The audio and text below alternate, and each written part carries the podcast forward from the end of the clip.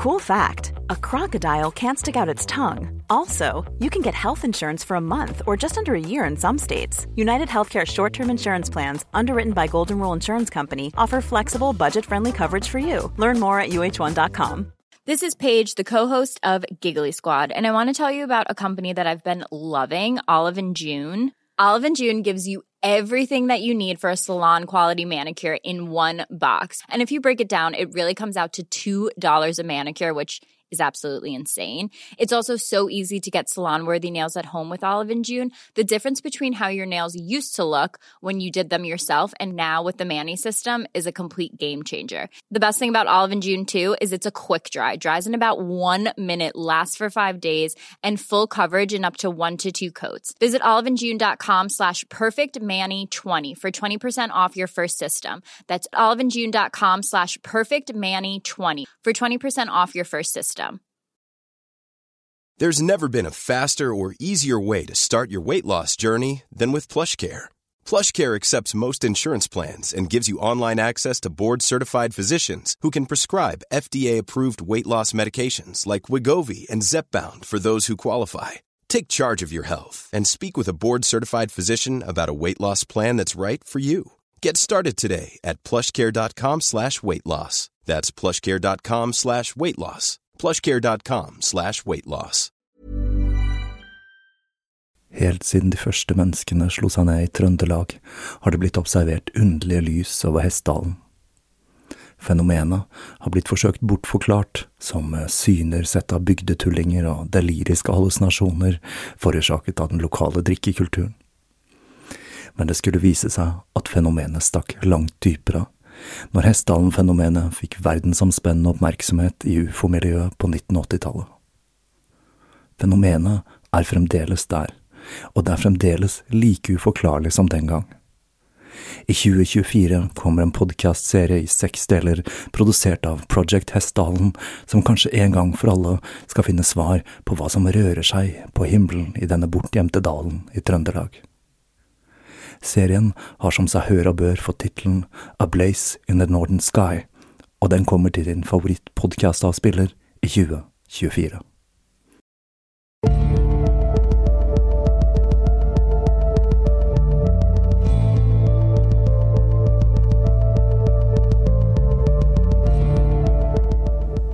Hei, og velkommen til Tåkeprat. Jeg heter Even, og når jeg tar opp denne episode 56, så er det da faktisk onsdag den 21. februar 2018. Denne uka så føles det ut som om jeg har fått et ekstra gir i podkastproduksjonen, og det virker litt som om Tåkeprat har begynt å leve på egen hånd, som mitt eget Frankensteins monster, og det er nesten litt som om det er podkasten som sitter i førersetet, og jeg er kun en passasjer på denne reisen. Jeg vet ikke helt riktig hva som har skjedd, men jeg ligger i hvert fall bra an med episodeproduksjonen, og det føles godt å ligge litt frampå. Så jeg da klarer å stable en ny episode på beina hver søndag, selv om det skulle dukke opp ting som ikke er podkast-relatert i løpet av uka. Da er altså tiden inne for å kaste seg over et nytt tema. Og nå skal vi bevege oss fra giftdrap, intriger og djeveldyrking til noe ganske annerledes. Hovedrollen i denne fortellingen spilles av en bok. En ganske liten, uanselig sak, innbundet i skinn med de beskjedne målene 23,5, 16,2 ganger 5 cm. Ikke større enn en vanlig pocketbok, altså. Skinninnbindingen den er av nyere dato, og man regner med at boka opprinnelig var bundet i treverk. Sidene er laget av velum, eller kalveskinnspergament, og kun 240 sider av hva man regnet med en gang har vært 272 gjenstår i dag.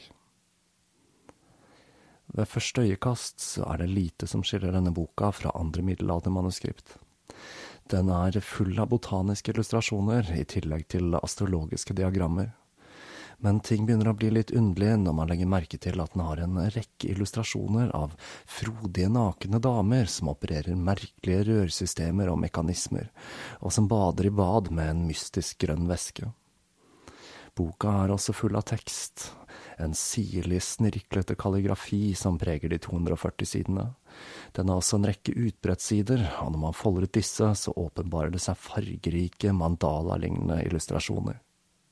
Det som gjør at denne boka er blitt kjent utenfor akademiske sirkler, og har gjort at den representerer et vaskeekte mysterium, er ikke bare at teksten aldri har blitt desifrert, men at den er skrevet på et hittil ukjent skriftspråk, og ingen av plantene i de mange botaniske illustrasjonene har blitt identifisert med 100% sikkerhet som planter som faktisk eksisterer. I alle fall ikke i vår verden. Det er ikke mangel på forsøk som har gjort at denne boka aldri har blitt desifrert. Noen av de beste kryptologene i verden har forsøkt å desifrere teksten i manuskriptet, men ingen har lyktes. Ingen vet hvem som har skrevet boka, eller hvorfor, og teoriene spenner seg fra at det hele dreier seg om svindel, til at den er skrevet av romvesener. Jeg har lenge hatt lyst til å lage en episode eller en serie om Voynich-manuskriptet, men jeg var usikker på om hvordan jeg skulle lage en episode om en bok vi faktisk da vet så lite om. Men det er slik med denne boka at den fungerer som et dragsug, og når man først begynner å sette seg inn i historikken, teoriene og de menneskene som har vært involvert i manuskriptet, så er det ekstremt lett å bli fengslet. Noe som har gjort at eh, tusenvis av mennesker i dag, nå ved hjelp av internett og datakraft, forsøker å bli den som løser gåten. En av de som var veldig fascinert av manuskriptet, var den psykedeliske kultfiguren Terence McKenna, som blant annet sa at eh, Voynich-manuskriptet representerer yttergrensen av vestlig okkultisme. Ingen kan lese det, det er en ekte okkult bok. Selv så kjøpte jeg en 2017-utgave av faksimilen av boka i fjor høst, og jeg har da brukt mye tid på å studere sidene og undres over hva jeg ser på. For meg så er dette da den ultimate coffee table-boka. Hver gang jeg føler at jeg har bygget meg opp en plausibel hypotese etter å ha meditert over en del av manuskriptet, så blir den revet ned av en annen del jeg hadde glemt å ta høyde for.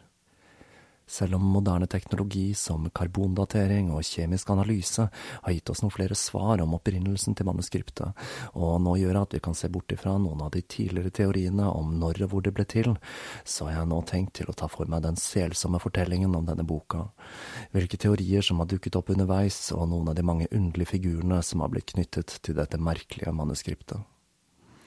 For en rekke spennende personer har blitt assosiert med det og det å ta for seg Voynich-manuskriptet gir meg muligheten til å fortelle historien til flere personer som fortjener omtale i denne podkasten. Det jeg i stor grad kommer til å styre unna, er detaljerte beskrivelser av forsøkene på å desifrere manuskriptet, med mindre det da er helt nødvendig for historien. For eh, de som er interessert i den slags, så finnes det egne forum på nett for personer som forsøker seg på nettopp dette. Dessuten så vil det ha krevet illustrasjoner for å kunne forklare dette på en god måte, og det er jo litt problematisk med en lydbasert podkast. Så da er det min tur til å kaste meg over mysteriet som har forundret, fascinert og provosert i mer enn 100 år. Det mystiske Voynich-manuskriptet.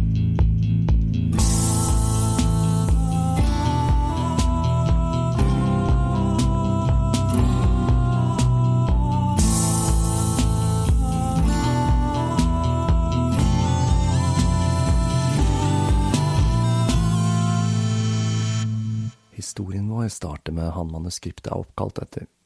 Wilfrid Voynich, og på samme måte som med manuskriptet, så var opphavet hans noe usikkert. Ifølge hans kone så ble han født i Litauen den 31. oktober 1865 i byen Kovno, mens han selv oppga byen Telski som sitt fødested flere ganger.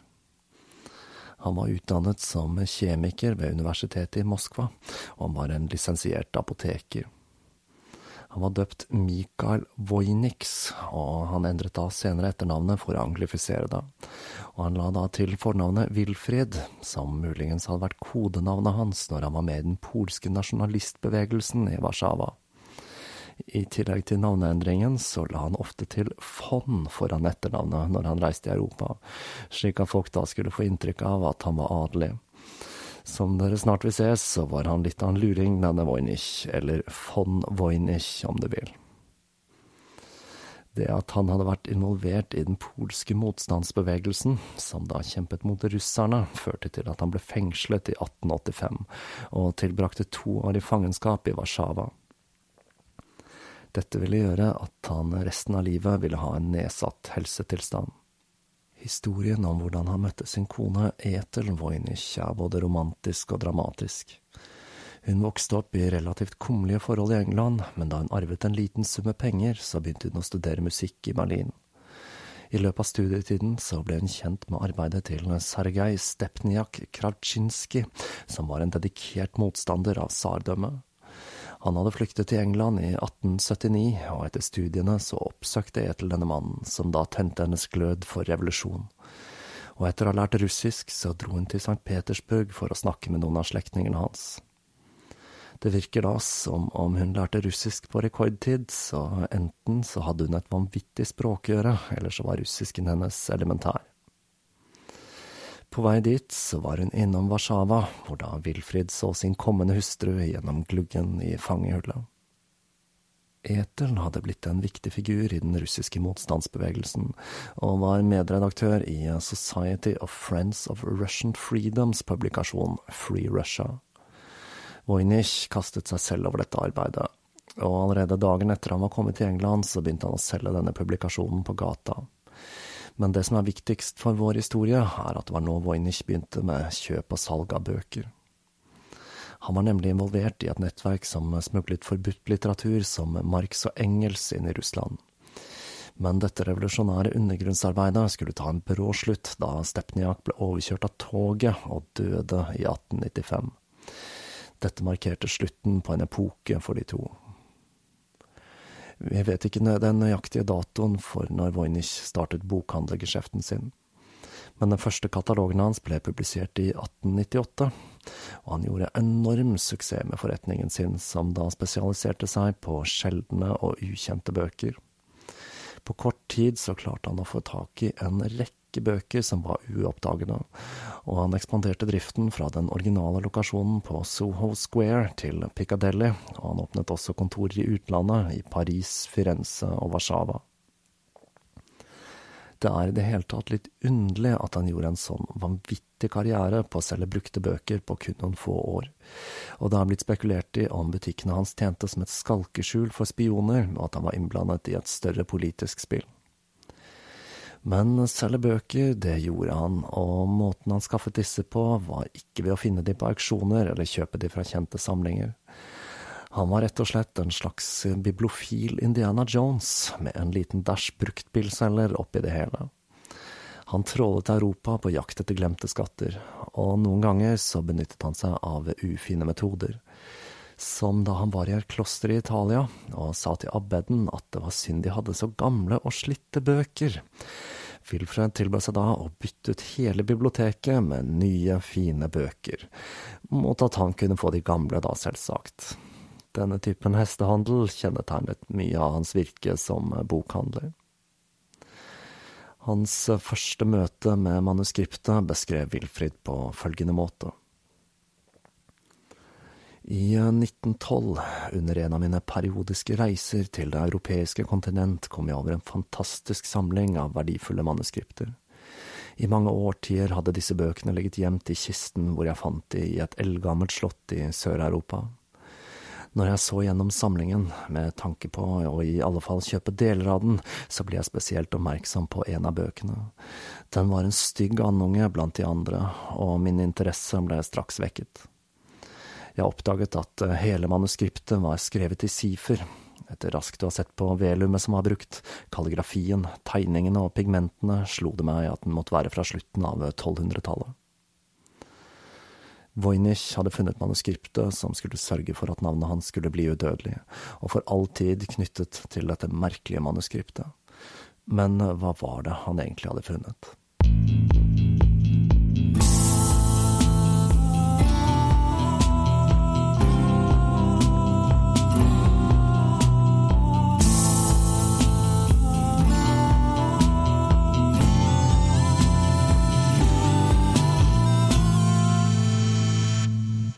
Manuskriptet deles som regel inn i seks deler basert på innholdet, hvor vi finner følgende.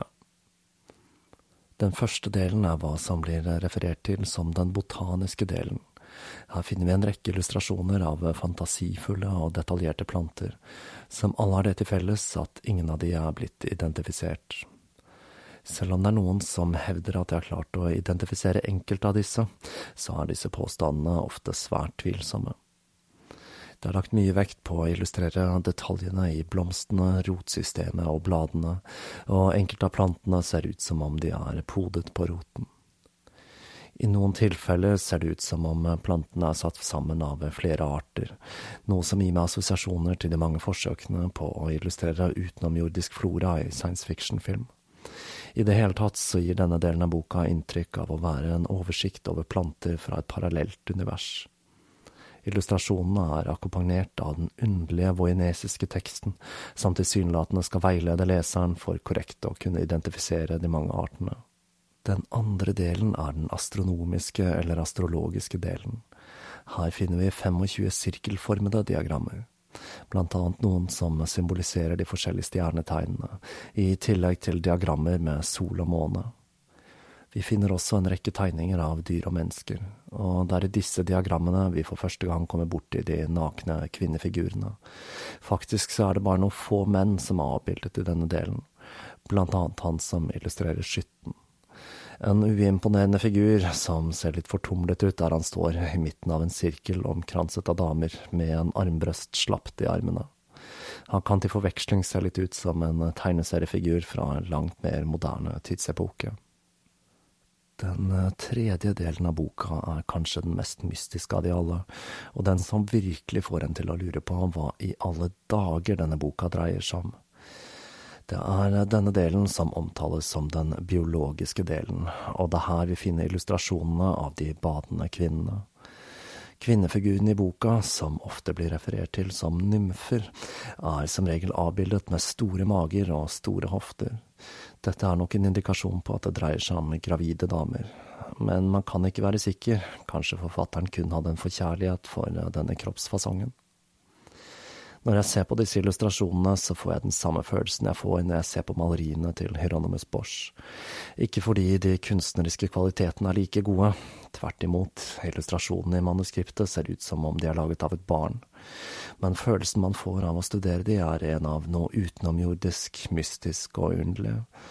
Jeg har forsøkt å finne et passende ord for å beskrive denne følelsen, og jeg endte opp med to ord jeg aldri har satt sammen før subtilt gynekologisk.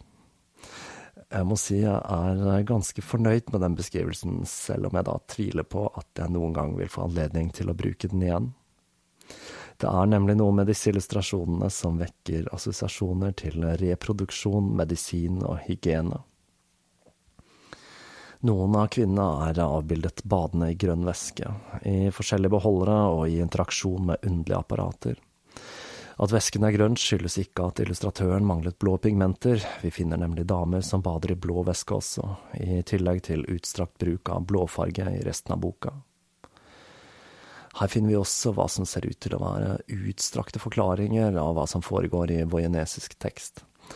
Igjen så føler jeg at teksten nærmest ber om å bli lest. Alfabetet som er brukt, ser så underlig kjent ut.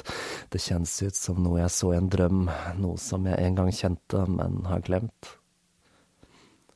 Den fjerde delen er rosettedelen, en kjempeutbredt side av seks sider pergament som består av ni medaljonger, eller mandalaer som da på en måte gir et inntrykk av å være organiske, med merkelige strukturer og stjerner vevet inn.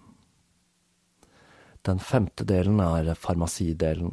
Her finner vi mer enn 100 ulike arter med hva som da tilsynelatende er urter og røtter, med beskrivelser i det underlige alfabetet. På de fleste sidene er det tegninger av medisinske beholdere eller vaser, som også ser utenomjordiske og fremmede ut, men samtidig også kjent. Det er det som er med denne boka. Det føles ut som om den eksisterer mellom virkelighet og drøm, som om noen har klart å fange en bok fra drømmeverdenen og materialisere den på vårt plan. Den siste delen er hva som blir beskrevet som oppskriftsdelen. Her finner vi en serie med sider dekket i tekst med stjerner i margen som ser ut til å fungere som kulepunkter. Sidene er fylt av den merkelige teksten og nærmest ber om at leseren skal desifrere den for å lære dens hemmeligheter. Som jeg var inne på i serien om Elisabeth Bathory, så var det ikke bare bare å skrive på pergament. Dette var en eh, tung og langsom prosess, og Voynich-manuskriptet er skrevet uten feil og rettinger. Teksten er kalkulert og ser ut til å være møysommelig sammensatt på en måte som gjør at den ser ut til å være skrevet på et bestemt skriftspråk forfatteren kjente godt. Og det er flere underlige ting med manuskriptet. Vel, det er vel å være litt forsiktig, for alt med denne boka er merkelig og virker malplassert. For eksempel så er det ingen religiøse symboler i manuskriptet, og det finnes få spor i illustrasjonene om dens geografiske opphav. Fra det første øyeblikket dette manuskriptet havnet i hendene til Voynich i 1912, så begynte han arbeidet med å finne ut hva han hadde fått tak i, og ikke minst hvor mye det var verdt. Han oppsøkte en rekke akademikere fra en ulike felt, som middelalderhistorie, botanikk og astronomi, men ingen kunne forklare hva den mystiske boken var. I 1914 begynte det å bli åpenbart at det ble brutt ut krig i Europa, og Voynich han reiste med SS Lusitania til Amerika. I New York så etablerte han en ny butikk, og han begynte å etablere en ny sirkel med klienter. Han fortsatte arbeidet med å forsøke å finne ut hva manuskriptet inneholdt, og han var overbevist om at det var skrevet av den engelske fransiskanermunken Roger Bacon. Og ikke uten grunn, for det var flere ting i hans beskrivelse av hvordan han fant boken som senere skulle vise seg å ikke være helt sannferdige. Han hevdet nemlig at han hadde funnet et brev festet i manuskriptet når han fant det og om det var riktig, så var det mer enn bare velumet og kalligrafien som hadde gjort at han hadde tidfestet det til slutten av 1200-tallet. Brevet han fant eh, festet til boka, det låt noe sånn som det her. Ærede sør, tjener av Kristus. Denne boken ble gitt til meg av en nær venn. Straks jeg fikk den, så jeg at den var ment for deg, min kjære Athanasius, for jeg var overbevist om at den ikke kunne leses av noen andre enn deg. Den tidligere eieren av boken spurte meg en gang om din mening, og kopierte og sendte deg en del av den han trodde du ville være i stand til å tyde, men han nektet å sende selve boken. Han hadde dedikert seg til å desifrere den, men noe som kommer fram av forsøkene jeg sender deg. Han ga ikke opp før han avgikk med døden, men arbeidet hans bar ikke frukter. For slike svingser adlyder ingen andre enn sin herre. Ta imot dette tegnet på min hengivenhet til deg, og åpne dets stengsler. Doktor Rafael, lærer i det bohemske språk for Ferdinand den tredje, den gang konge av Bohemia, fortalte meg at boken hadde tilhørt keiser Rudolf, og at han hadde kjøpt den for 600 dukater. Han trodde at forfatteren var Roger Bacon, engelskmannen. På dette punktet vil jeg ikke dømme. Det er din oppgave å vurdere hvilket syn vi bør ha på dette. Jeg hengir meg til din velvilje og godhet. Johannes Marcus Marci av Kronland. Praha den 19. august 1665. Dette åpnet muligheten for å knytte en rekke personer til manuskriptet. Så tidlig som i 1915 erklærte Voynich at manuskriptet var et tapt verk av Roger Bacon, skrevet i et sifer som aldri hadde blitt løst. Wilfrid begynte å nøste opp i historien om eierskapet til manuskriptet. Blant annet så forsøkte han å finne ut hvem den mystiske figuren som hadde solgt boka for 600 dukater kunne være, og svaret han kom fram til var en person som har dukket opp flere ganger her i Tåkeprat. Nei, for en gangs skyld så dreier det seg ikke om Rudolf Steiner, men John Dee den elisabetanske astronomen, vitenskapsmannen, alkymisten og trollmannen, som sammen med sin tvilsomme medhjelper Edward Kelly blant annet satte sammen enokiansk, eller englespråket, hvis påkallelser og magiske systemer senere skulle påvirke vår gode venn Alistair Crowley. Kanskje jeg må begynne å bruke uttrykket tåkepratvenn på samme måte som Se og Hør bruker Norgesvenn. John Dee han passet perfekt inn i historien. Ikke bare var han en ivrig samler av verkene til Bacon og påsto å være i slekt med han, men han passet inn tidsmessig og geografisk i fortellingen om keiser. If you're looking plump lips that last, you need to know about Juvederm lip fillers. With Juvederm Volbella XC and Juvederm Ultra XC, your lip look, whether it's subtle or bold, can last up to one full year with optimal treatment and no additional maintenance. Find a licensed specialist and see if it's right for you at juvederm.com today. That's J U V E D E R M.com. Add fullness to lips in adults over 21 with Juvederm Volbella XC or Juvederm Ultra XC. Do not use if you have severe allergies or a history of severe allergic reactions, or if you're allergic to lidocaine or the proteins used in Juvederm. Tell your doctor if you have a history of scarring or taking medicines that decrease the body's immune response or that can prolong bleeding. Common side effects include injection site redness, swelling, pain, tenderness, firmness, lumps, bumps, bruising, discoloration, or itching. As with all fillers, there's a rare risk of unintentional injection into a blood vessel, which can cause vision abnormalities, blindness, stroke, temporary scabs, or scarring. For full important safety information, visit juvederm.com. Everyone knows therapy is great for solving problems, but getting therapy has its own problems too, like finding the right therapist, fitting into their schedule, and of course, the cost. Well, BetterHelp can solve those problems. It's totally online and built around your schedule. It's surprisingly affordable too. Connect with a credentialed therapist by phone, video, or online chat, all from the comfort of your home. Visit betterhelp.com to learn more and save 10% on your first month. That's BetterHelp, H E L P. og de 600 dukatene. Jeg kommer tilbake til John D senere, men la oss aller først ta en kikk på denne Roger Bacon.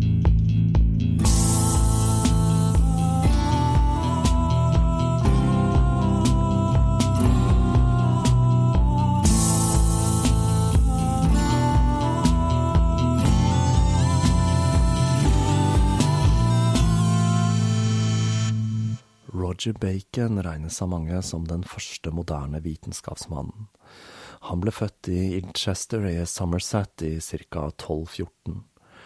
Han begynte å studere ved Oxford da han var ca. 13 år gammel, og selv om Oxford på denne tiden ikke kunne måle seg med de storslagne skolene i Paris, så tillot de verkene til Aristoteles. Disse verkene, som hadde blitt oversatt av arabiske akademikere og fraktet over Pyreneene, var forbudt i Frankrike, da de ble sett på som ukristelige.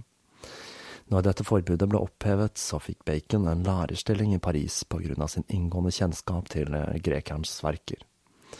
I Paris så ble han kjent med en Peter av Maricourt, som da vekket Bacons interesse for ting som optikk og magneter.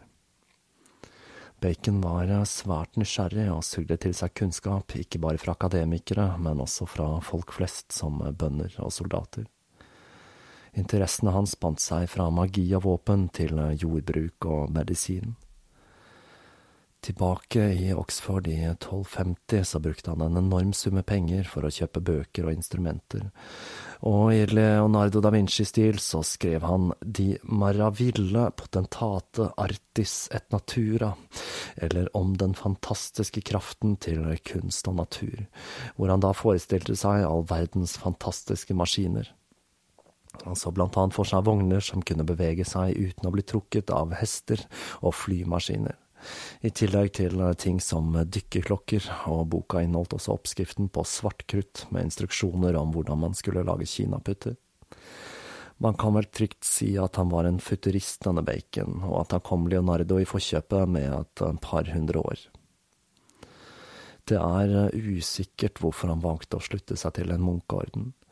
Kanskje pengene tok slutt, men eh, på 1250-tallet så ble han altså en fransiskanermunk.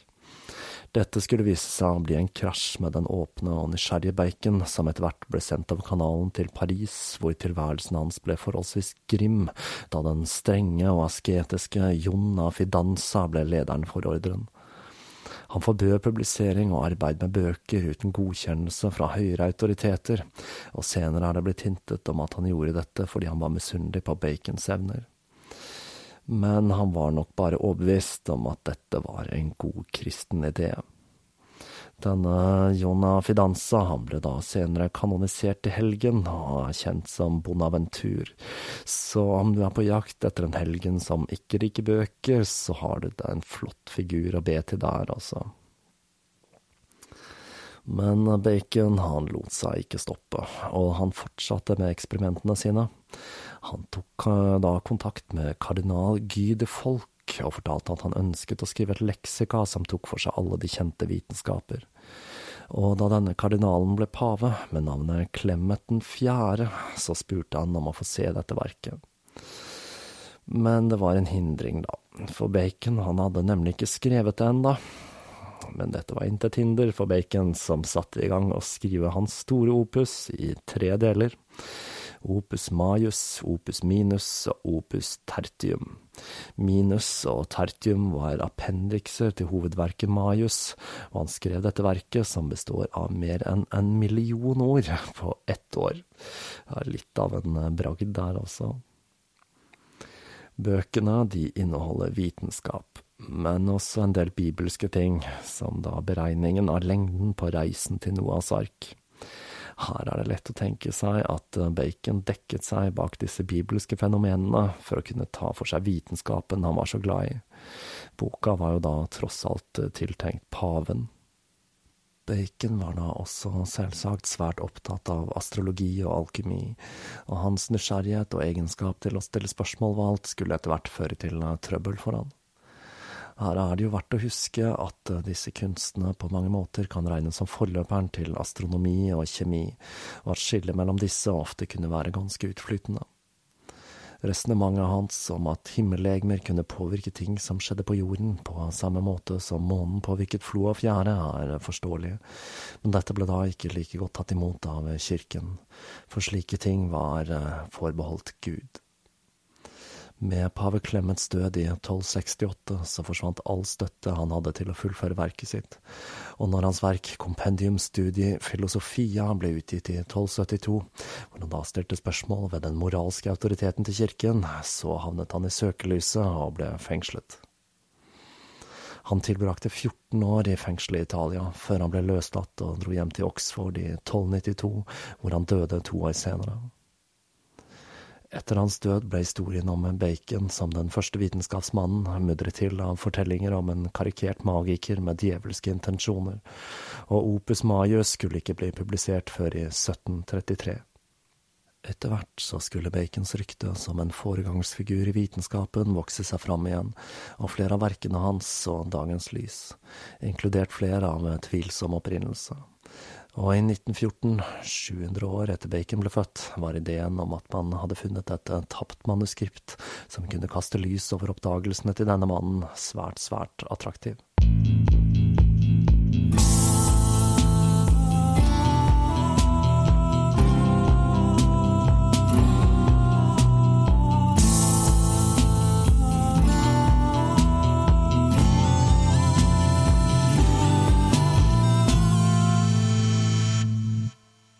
Første som hevdet å ha klart å desifrere manuskriptet, var en professor i filosofi ved universitetet i Pennsylvania, William Romaine Newbold.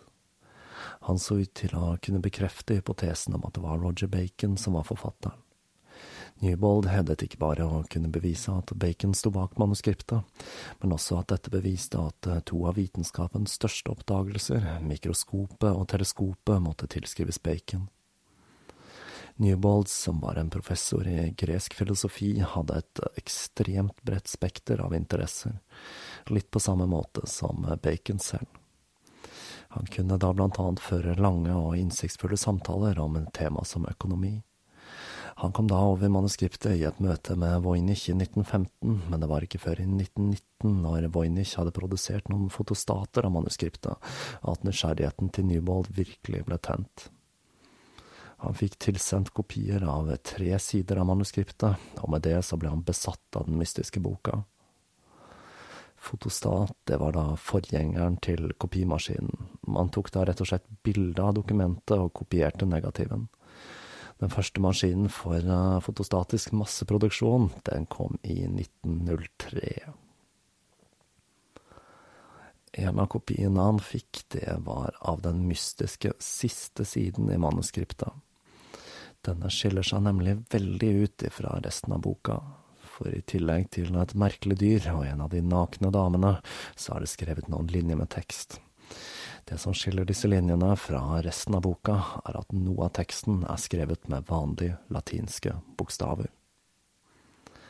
Newbold antok at dette var nøkkelen til siferet i boken, og med litt god vilje, og å ta bort og erstatte enkelte bokstaver, så klarte han da å stave den følgende latinske setningen. Miki dabas multas portas. Det betyr da noe slikt som du ga meg mange porter. Ut ifra dette så trakk han en slutning som ville ha stor betydning for senere studier av manuskriptet, nemlig at Bacons kjennskap til Kabbalah hadde noe med boken å gjøre, og at det var det linjen refererte til. Koblingen mot Kabbalah er en som fremdeles virker som en mulig nøkkel til manuskriptet, og dette er noe jeg kommer tilbake igjen til senere i serien. Som vi har vært inne på i Tåkeprat tidligere, så er det kabbalistiske magiske systemet basert på tallmagi, der hver bokstav også symboliserer et nummer, slik at ord har en numerologisk betydning, og et magisk tall kan ha flere ord knyttet til seg. Jeg brukte vel tallet 86 som eksempel i serien om Alistair Crowley. Dette tallet korresponderer da med Hateva og Elohim, eller natur og Gud. Dette fører da til at Gud og natur er én og samme enhet, eller naturen er en manifestasjon av Gud, eller vice versa. Svakheten til Newbold var at han hadde en del litt for spreke ideer. Jeg sa at jeg ikke skal gå for dypt inn i desifreringen, men et par ting er verdt å vite om eh, Nybolds forsøk. Prøv å være tålmodig med meg her, for dette er ganske festlig, om enn ikke noe komplisert. Han tolket da dette med de mange portene som om at man skulle kombinere de 22 hebraiske bokstavene i par, noe som gjør at man ender opp med 484 par med bokstaver. Newbold han døpte dette alfabetet det bilaterale alfabetet. Han mente da at Bacon hadde brukt det latinske alfabetet, og krypterte med en nøkkel av det bilaterale alfabetet, slik at hver bokstav var representert av to tegn, og at man kunne bruke en korresponderende tabell for å desifrere teksten. Dette ville jo da gjøre at teksten ville bli dobbelt så lang så han mente at Bacon hadde løst dette med å lage et system der to bokstavpar fra det bilaterale alfabetet delte bokstaven i midten for å bruke færre tegn. Dette førte da til at teksten måtte inneholde mange anagrammer, altså omstokking av teksten for å få den til å gå opp. Og på toppen av det hele så mente han at han hadde brukt et forkortet ellevetegnsalfabet og erstattet tegn som hadde en fonetisk ekvivalent for å korte ned teksten ytterligere.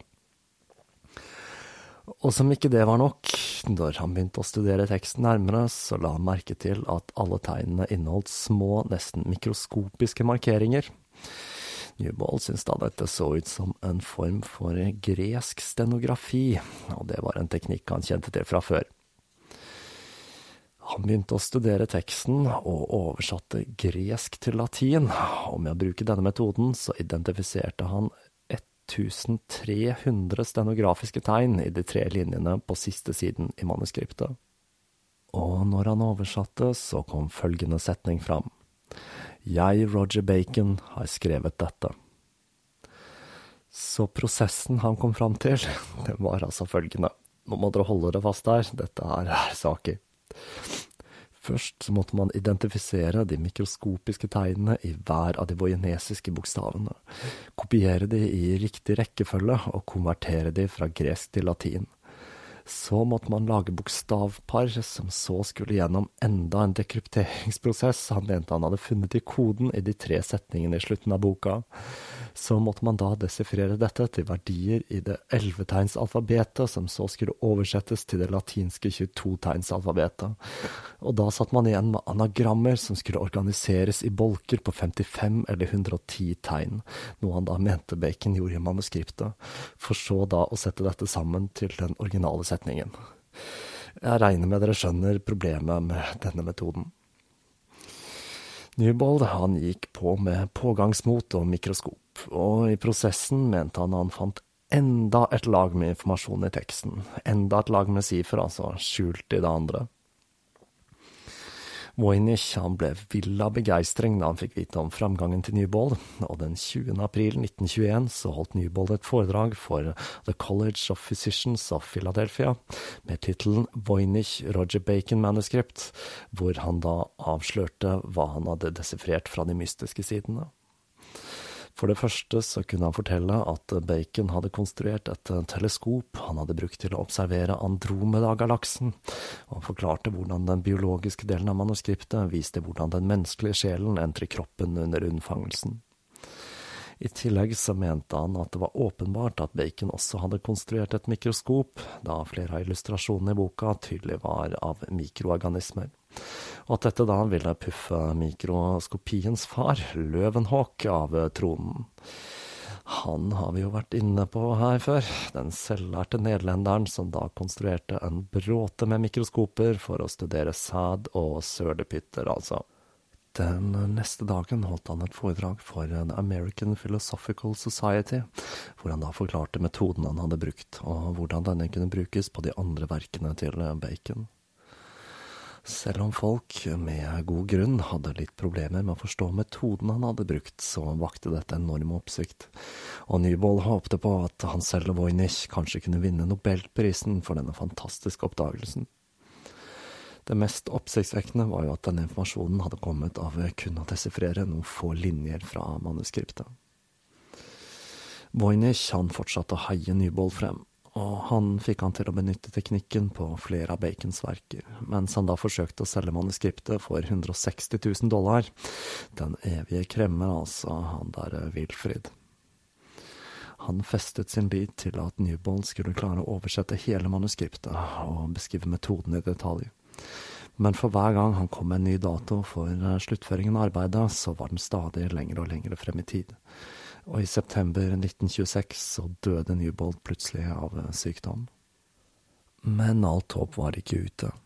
Han hadde lært en venn, professor Roland Grubb Kent, teknikken han hadde brukt til desifrering. Kent beskrev hvordan Newbold jobbet dag og natt, lent over mikroskop og lupe for å identifisere de mange små stenografiske symbolene i teksten og han var svært imponert over Nybolds evne til å kunne identifisere så mange tegn i hvert enkelt symbol. Kent publiserte Nybolds funn i en bok som het Roger Bacon Cipher i 1928. Men ikke helt uventet så ble Nybolds desifrering sablet ned, og det av ingen ringere enn professor John Matthews Manley, en professor i engelsk ved Universitetet i Chicago. Han hadde vært en eh, kodeknekker under første verdenskrig, og han hadde vært svært interessert i Newbolds teori, i tillegg til da å være en fan av Roger Bacon.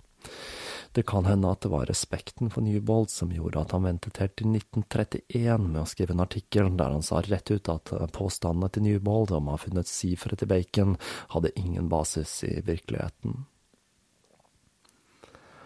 Når man skal kryptere en tekst, så er punkt nummer én at den må krypteres på en måte og med et system som gjør at avsender kan føle seg sikker på at mottakeren vil kunne desifrere den og lese hva som faktisk er skrevet. Med den vanvittig omfattende prosessen til Newbolt så kunne man jo nærmest lese hva enn det skulle være ut av manuskriptet, for ikke å snakke om prosessen som ville være involvert i å skrive det. Det ville da kreve mer enn én Roger Bacon, for å si det slik. Når det å lese disse små hemmelige tegnene i hvert symbol var en så formidabel oppgave for Nybold, så ville det tatt enorme mengder tid og arbeid å skrive i dette angivelige sifferet. Newbolds eh, mange interesser farget selvsagt også det han leste ut av manuskriptet. En spiralform på en av sidene fikk han til å tro at Bacon hadde konstruert et teleskop og sett Andromeda-galaksen. Selv om denne galaksen riktignok er spiralformet, så er ikke dette noe vi har kunnet observere før med moderne astronomi og teleskoper. Fordi galaksen er tiltet på siden i forhold til vårt synspunkt, så ser den ut som en sigarformet sky og ikke en spiral. Bias er vel stikkordet her, og hele poenget med den vitenskapelige metode er jo nettopp å fjerne bias fra resultatet. Noe som da gjør det hele en smule ironisk, med tanke på Bacon som en foregangsfigur for moderne vitenskap. Selv om det er enkelte som hevder at manuskriptet er av utenomjordisk opprinnelse, så er det i alle fall ganske åpenbart at eh, Roger Bacon ikke konstruerte et teleskop som kunne observere spiralformen til Andromeda. Voynich på sin side, han ønsket veldig at uh, Newbold sin tolkning av manuskriptet skulle være riktig, så han da kunne innkassere sine 160 000 dollar, og sammen så drev de hverandre til å følge dette blindsporet på jakt etter penger og berømmelse. Etter Nybolds død ble ryktet til denne ellers svært oppegående og kreative akademikeren svertet, og manuskriptet ble nå skydd av akademia, noe det fremdeles er den dag i dag og med det så ble Voynich-manuskriptet igjen kastet ut i mørket det kom fra.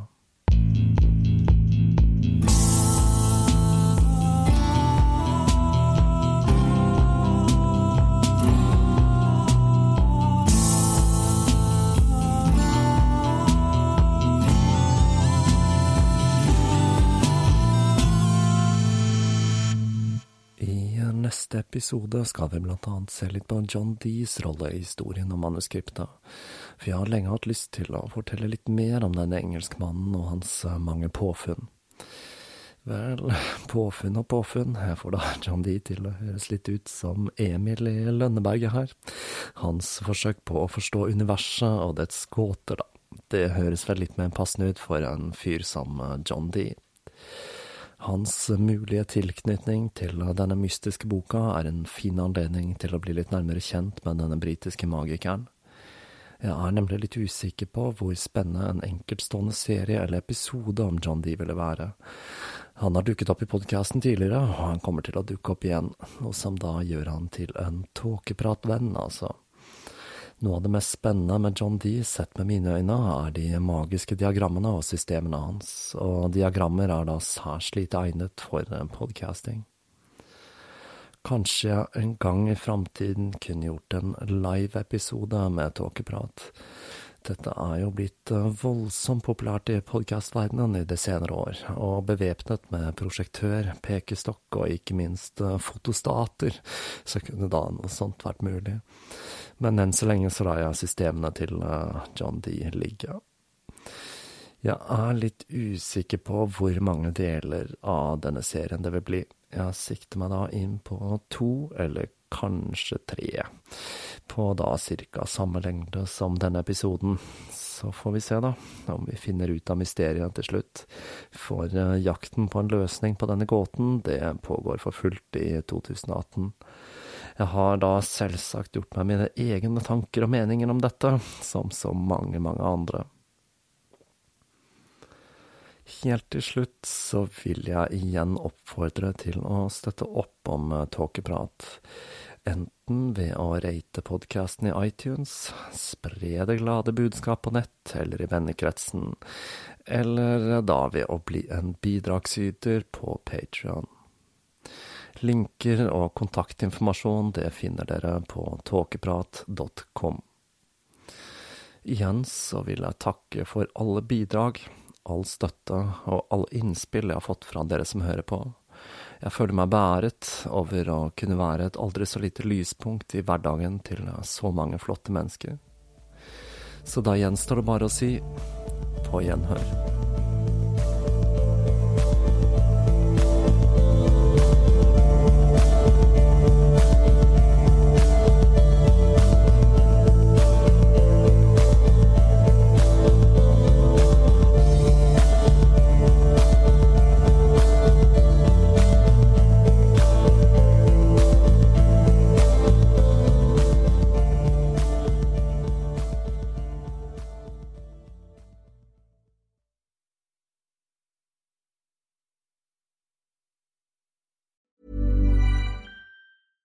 Even when we're on a budget, we still deserve nice things.